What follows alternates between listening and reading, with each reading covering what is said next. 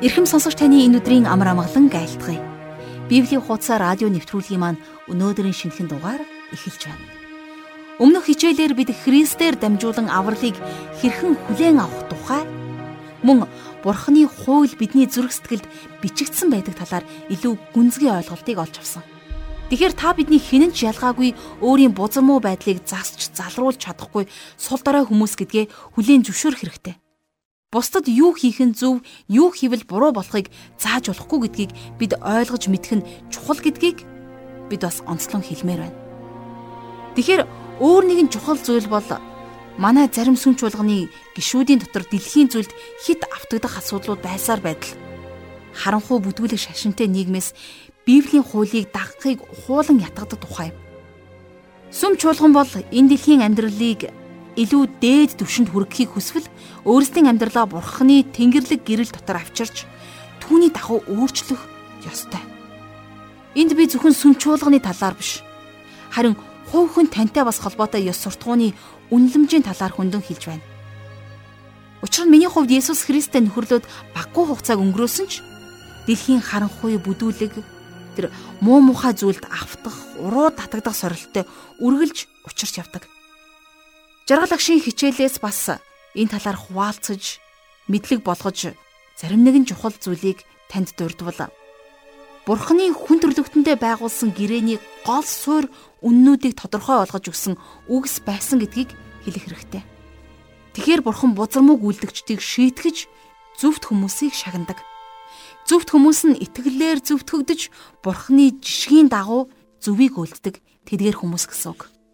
Тэгэхээр л итгэмжид нэгэн нь Христийн өгсөн нэгүслэр дамжуулан сайныг үлддэг төвчээрээрээ дамжуулан алдар хүндлэл болон мөхөшгүй байдал руу ордог гэсэн гайхамшигтай үг надад үнэхээр их намайг үнэхээр урамшуулсан. Энэ үгээр таныг ч гэсэн бурхан ивэж юрөөсөн гэдэгт итгэлтэй байна.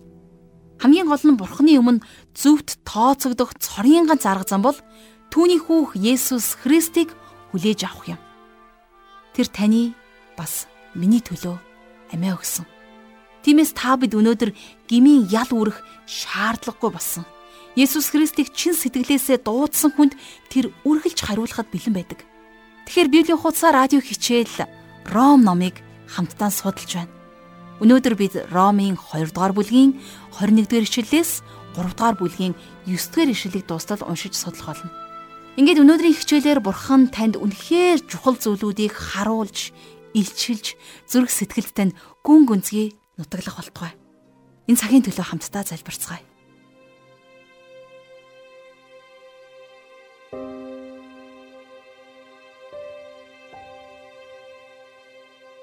Шудраг ариун бурхан эцэг минь энэ гайхамшигтай цагийг та бидэнд өгсөнд баярлалаа хэзэн минь. Та биднийг өдөрдөн жолоодож мэрэгэн ухаанаасаа өвлүүлээрэ. Хин нэгэн хүн танд итгэхгүй байсан ч гэсэн түүний мэс чанар зөв буруугийн тухай та үргэлж өөрт нь ойлгуулж байдаг. Тийм л инрэнгүй эзэн. Таны сайн мэдээг сонсоогүй хүмүүс маш олон байна. Тийм ээ таны хуулийн талаар мэддэггүй учраас тэд гим нүгэл үйлдсээр тэд магадгүй мөхөж байна.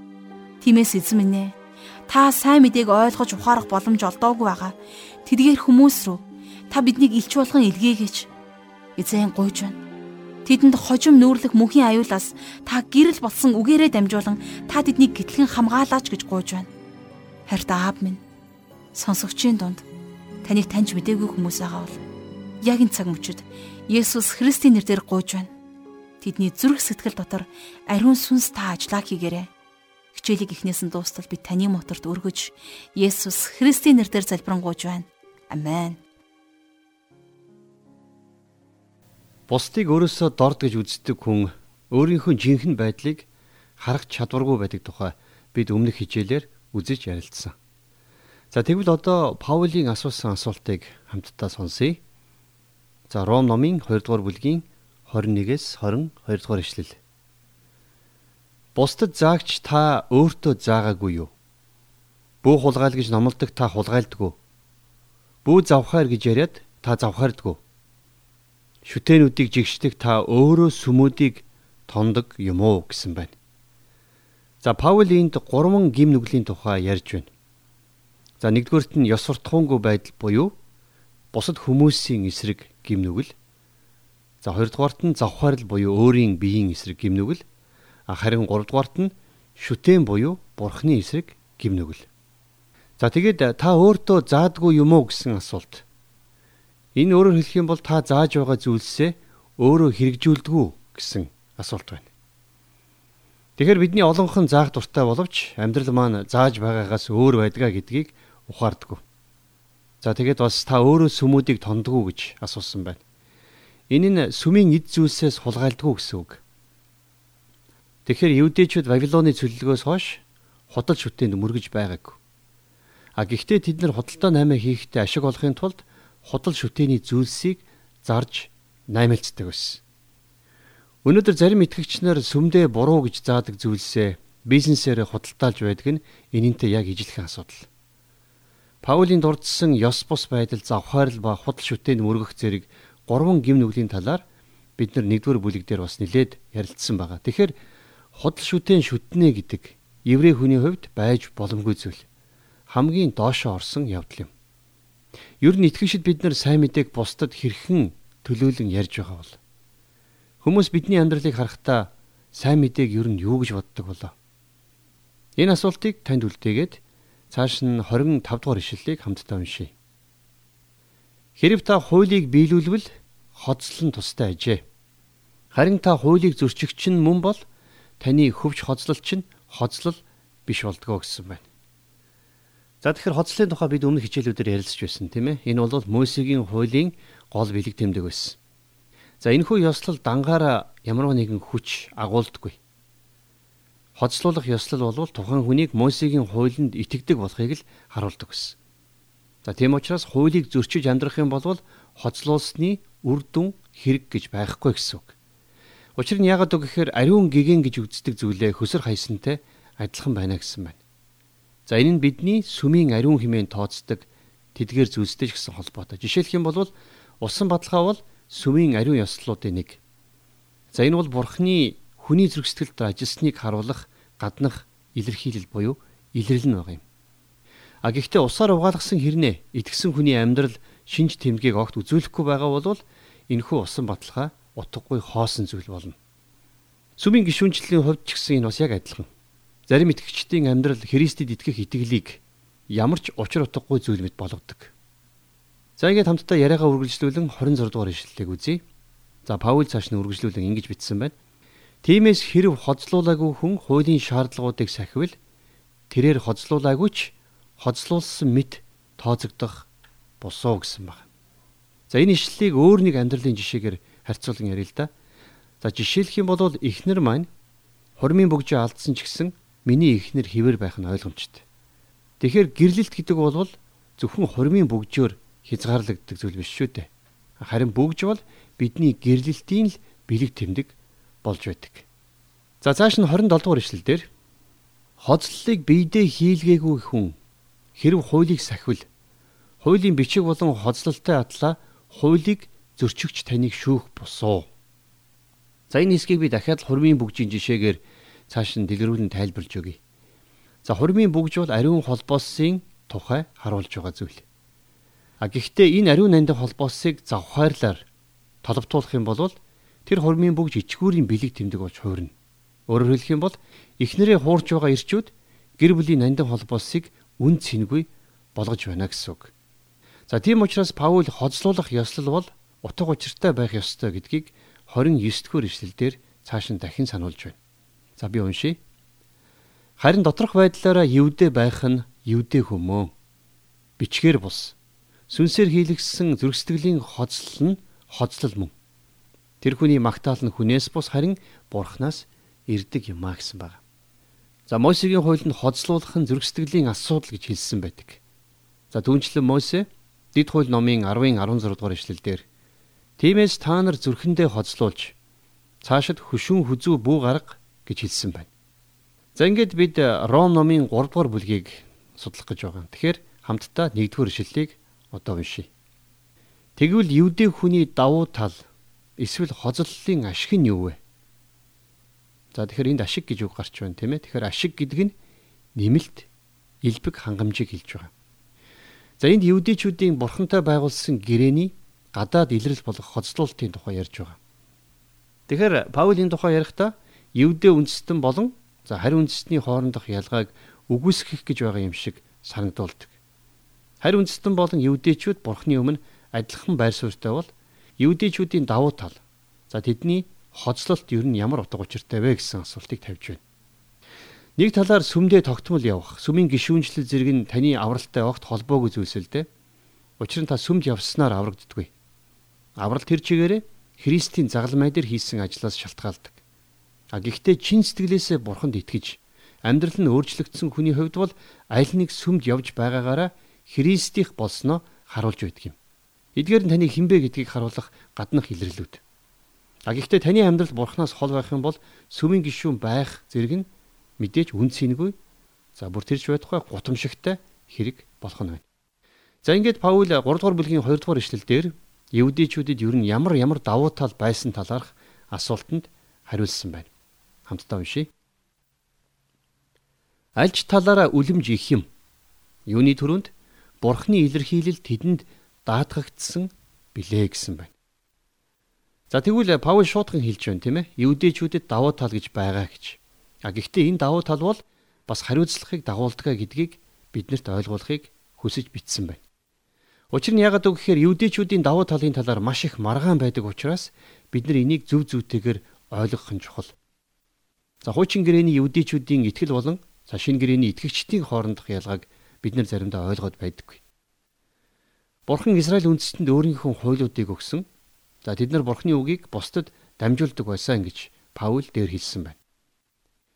Бурханы үгэн дотор Израильчуудад зориулсан онцгой зүйл байсан. Бурхан Израиль үндэстний дотор ажиллаа хийж дуусаагүй байгаа. Израильчууд олон удаа Бурханаас урвж түүнийг оргисон ч гэсэн Бурханд тэднэрт зориулсан төлөвлөгөө За бас бэлтгэсэн ирээдүй гэж байгаа.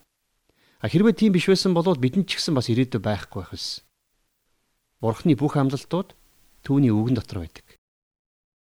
Бурхан Иохан номын 3-ын 16 дээр өгсөн амлалтаа ч гэсэн биелүүлж, за бас Эхлэл номын 12 дугаар бүлэгт Авраамтай байгуулсан гэрээгээ ч гэсэн мөн л адилхан биелүүлэх болно.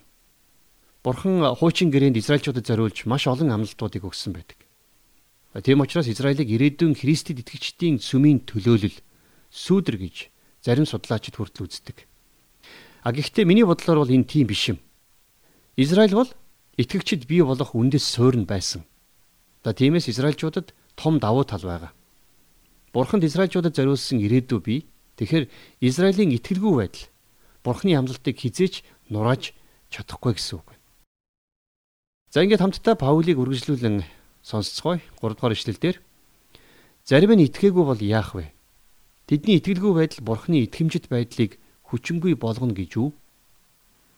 За тэдний итгэлгүй байдал бурхны итгэмжит байдлыг нураана гэж юу? За маш том асуулт байна тийм ээ.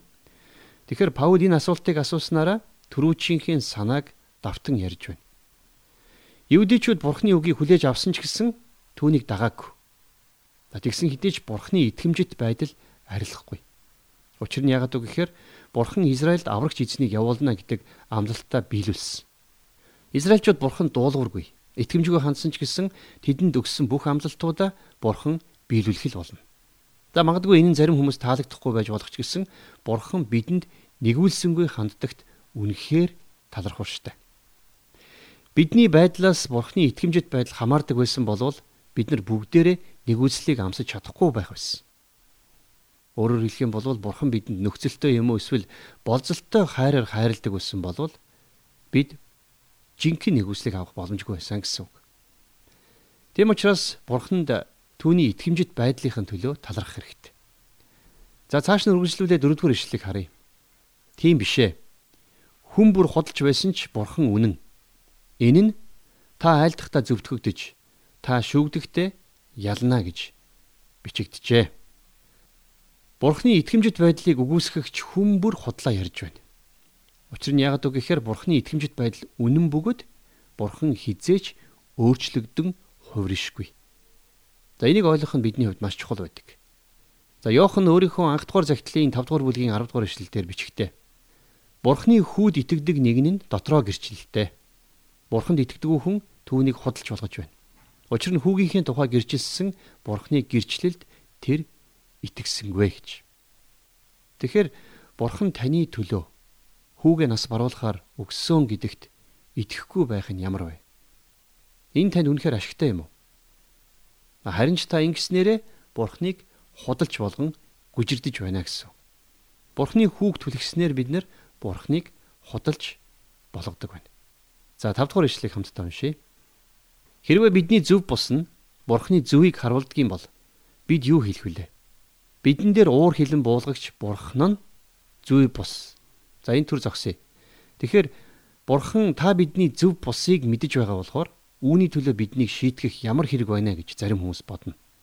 За энэ тухай Ром номын 6-гийн 1-дэр ч гэсэн бас давхар бичсэн байдаг. Тэгэхээр Паул хүний ёсоор ярьж байна гэж хэлэхдээ Бурхны ариун сүнсэнд хөтлөгдөж биш харин хүнийхээ үзэл бодлыг илэрхийлж байсан. Тэгэхээр та бидний шудраг бус зөвхт бус байдал Бурхны гайхалтай итгэмжит байдал нэгүүлслийг харуулж байгаа бол Бурханд биднийг шүүх эрх байхгүй гэж юу гэсэн асуултыг энд Паул тавьж байна. Паулийн амьдарч байсан үеийнхэн тэрнийг хайр инэрлэр аврагдах тухай номлож байсныг сайн ойлгож байсан. Энэ бол үнэхээр гайхамшигтай. За 6 дугаар ишлэл дээр огт үгүй. Тийм бол Бурхан ертөнцийг яаж шүүх юм бэ гэсэн байна. Тэгэхээр бидний гим нүгэл зүгээр л бурхны нэгүслийг харуулад болдог байсан болвол бурхан хэнийгч шүүх эрхгүй болох байлаа. Бурхныг шудраг бус гэж бодох нь эндүрэл гэдгийг Паул маш олон талаас нь ярьж байна. Хүн бүр хизээ нэгэн цагт шүүгднэ гэдгээ мэддэг. Энэ төрлөх мэдрэмжийг бурхан бидний дотор суулгаж өгсөн юм. За 7 дугаар ишлэл. Хэрв миний худал үгээр бурхны үнэн нь өөрийнх нь алдарт бэлгдэх юм бол яагаад би нүгэлтэн адил шүүгдсээр байгаа билээ. Тэгэхээр бурхны шүүлтээс хинч зүхтах боломжгүй. Бидний гим нүгэл бурхны алдар нэгүүлслийг хэр агуу болохыг харууллаа гэд бид нэр шүүлтнээс нь мултрахгүй. За тэгээ цааш нь 8 дугаар ишлэлдэр үргэлжлүүлээд яагаад бас сайныг гаргахын тулд мууг үлдэцгээ гэж ярьж болохгүй билээ. Гэхдээ зарим нь биднийг ингэж ярьдаг гэж гүтхэн хэлдэг. Тэдэнд шийтгэл зохистой юм аа. За энэ хэсэгдэр бол Паул өөрийнхөө тавьсан асуултанд маргалтахын аргагүй хариултыг өгч байна. Хэрвээ гим нүгэл нь бурхны сайн сайхныг харуулдаг юм бол улам их гим нүгэл үлдэж болохгүй гэж юу? Паул ийм утгатай зүйлийг огт яриаггүй. Харин тэр гим нүгэл нэгэн өдөр шүүгдэх болно гэдгийг хэлж байна. Өөрөөр хэлэх юм бол гим байгаа газарт шүүлт заавал байна. За ингээд шүүлтийн тухай хэсгийг Паул ингэж дуусгаж байна. Бурхны шүүлтийн өмнө бүх хүн төрлөختнийг тэр авчирсан. Евдээ болон хариу үндэстэн, хар цагаан, эрэгтэй эмэгтэй, баян ядуу бүх хүмүүсийг бурхан шүүх болно. Та хэн байх нь хамаагүй. Бүх хүн бурханы өмнө гим нүгэлтэй. За ингээд дараа нь Паул биднийг бурханы имлэг рүү аваачих болно. За энэ имлэг бол сүнсний имлэг. За тэнд агуу их юмч биднийг үзэж онцлох болно. Тэгэхээр бидний эсрэг 14 буруутгал байгаа. 6 нь агуу шүүгчд хамаатай, харин 8 нь агуу их эмчид хамаатай. Учир нь тэр хүмүүсийг бүгдийг нь өвчтөй байна гэж хэлсэн. Үнэн дээр та бид үхлийн ирмэг дээрх өвчтөнгүүд. Учир нь бид гим нүгэл дотроо үхсэн байсан. Энэ бол бидний жинхэнэ бодит дүр төрх. За ингээд 9 дугаар ишлэлийг хамтдаа уншийе. Тэгвэл яах вэ? Бид тэднээс давуу юм уу? Огт үгүй. Евдээчүүд хийгээд грекчүүд бүгд нүгэл дор байдаг гэж би урд нь ялт тулгассан юм а гэсэн байна. За энд болохоор Бурхан гим нүглийг шүүдгэ гэдгийг Паул бидэнд ойлгуулахыг хичээсэн байна. Хүн болгон гимтэй болохыг бид нар мэднэ. Бид нар баян ядуу за бас ямар ч нөхцөл байдал байсан хамаагүй бид нар бүгдээрээ л гим нүгэлтэй. Тэгэхээр гмийн дор байна гэдэг юу болохыг ойлгох нь маш чухал юм. За хүн дөрвөн талаараа гим нүгэлтэй байдаг. За нэгдүгээрт нь хүн гимт үйлдэл хийдэг.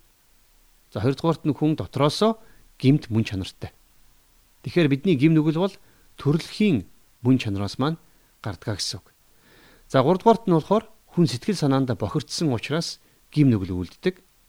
За энэ тухай дараагийн хэсгүүдэд үзэх болохоор төр орхий.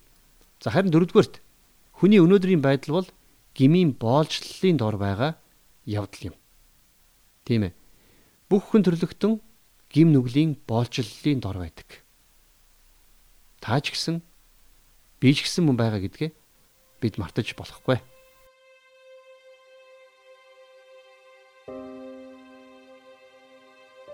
Тэгэхээр өнөөдрийн хичээл бол бидэнд Бурхны итгэмжит байдал болон авралын тухай харуулж түүний өмнө сайрах нь хичнээн утга учиргүй бүр ичхэвтэртэй хэрэг болохыг ойлгуулж өглөө.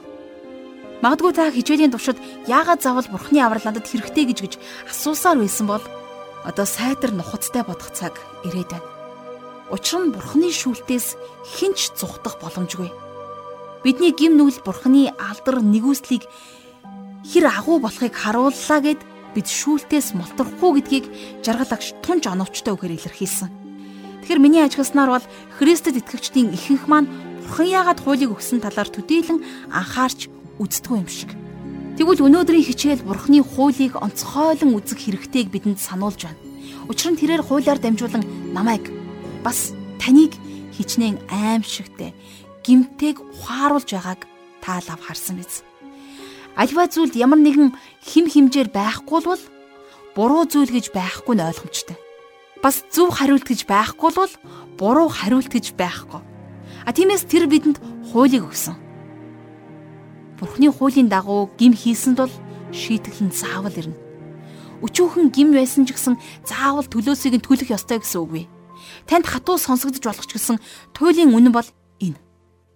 Та магадгүй яг одоо надаас би ямар гин буруу хийсэн гэж шийтгэл амсах ёстой юм гэж асууж иж болох юм. Тэгвэл би танд үнэхээр гайхалтай нэг сайхан мэдээ хэлье. Бид нар бүгдээрээ гим нүгэл хийсэн. Харин хууль биднийг гимтэн гэдгийг ухааруулж Христ рүү хөтлөн аваачдаг. Тэгээд зөвтгөгдсөн хүн хуулийн бүх шаардлагуудаас чөлөөлөгддөг. Энэ бол миний танд дуулгах хамгийн сайхан мэдээ. Бурханд бидний сайрхал өчүүхэн ч хэрэггүй. Ягаад тэгэхээр түүнд сайрхах боломжгүй юм аа. Төрлөг мөн чанар маань биднийг удирддаг ч гэсэн Бурхан аль хэдийнэ энэ байдлаас гарах арга замыг өгсөн. Энэ бол түүний хүү бидний аврагч Есүс Христэд итгэх юм. Бид нүгэл үйлдэснээр Бурханы алдарт хүрдэггүй. Харин Христ Есүс доторх золилтоор дамжуулан түүний нэгүслэр үнгүй зөвтгөгдсөн билээ гэж Ром номын 3 дугаар бүлгийн 23-аас 24 дэх эшлэл бидэнд сануулж байна. Энэ хүрээд өнөөдрийн хичээл маань өндөрлөж байна. Гэхдээ сонсогч таны зүрх сэтгэлд нэгэн гайхамшигтай үнэт өв болон очисон гэдэгт итгэлтэй байна. Энэ үнэт бэлгийн төлөө бурхандаа талархан залбирцгаая. Нэг үслэр аврагч бурхан эзэг минь та бидэнд гим нүглийн боолчлоос гарах замыг өгсөн. Эзэн минь таны хайрын үлсийн төлөө талархаж байна. Хүмүүс бид төрлөхөөсөө гим нүгэлтэй гэдгийг мэддэггүй. Тэгвэл энэ гим нүгэлт байдал маань одоо ч гэсэн үргэлжилсээр байгаа нь үнэхээр аимшигтай. Тийм ээ аава өнөөдөр олон хүн бурхан танаас айж эмээх айцгүй амьдарч байна. Тиймээс та тэдэнд өөрөөсөө эмээх тэр айцыг, тэр үндтгэлийг, тэр имэйлтийг ам амьдралд нь харах боломжийг та олгооч. Та тэдний зүрх сэтгэлтэй нь ярилцаач. Та амар тайван дотор тийхүү ятгаач гэж гуйж байна. Эзэн танаас имээснээр хүмүүс хорон муугасаа холддог. Таныг мэдгүйгээсээ олж хорон мууд боолчлогдсон тарчилж байгаа үе олон хүмүүс байна. Эзэн минь та ариун сүнсээрээ тэдний дотор ярилцаж, та тэдний дотор сайн зөвхт гэрчлэлийг бий болгооч. Тэгээ та биднийг тэднэр рүү илгээ гэж. Тэгээ тэднийг өөрийнхөө дотор алхахад та туслаарай. Өнөөдрийн үгийн төлөө би танд онцгойлон талархаж би танд ам амьдралаа санаа бодлоо хэрэг үг хэлээ үйлдэлээ танд өргөж Есүс Христийн нэрээр залбирanгуйж байна. Амен.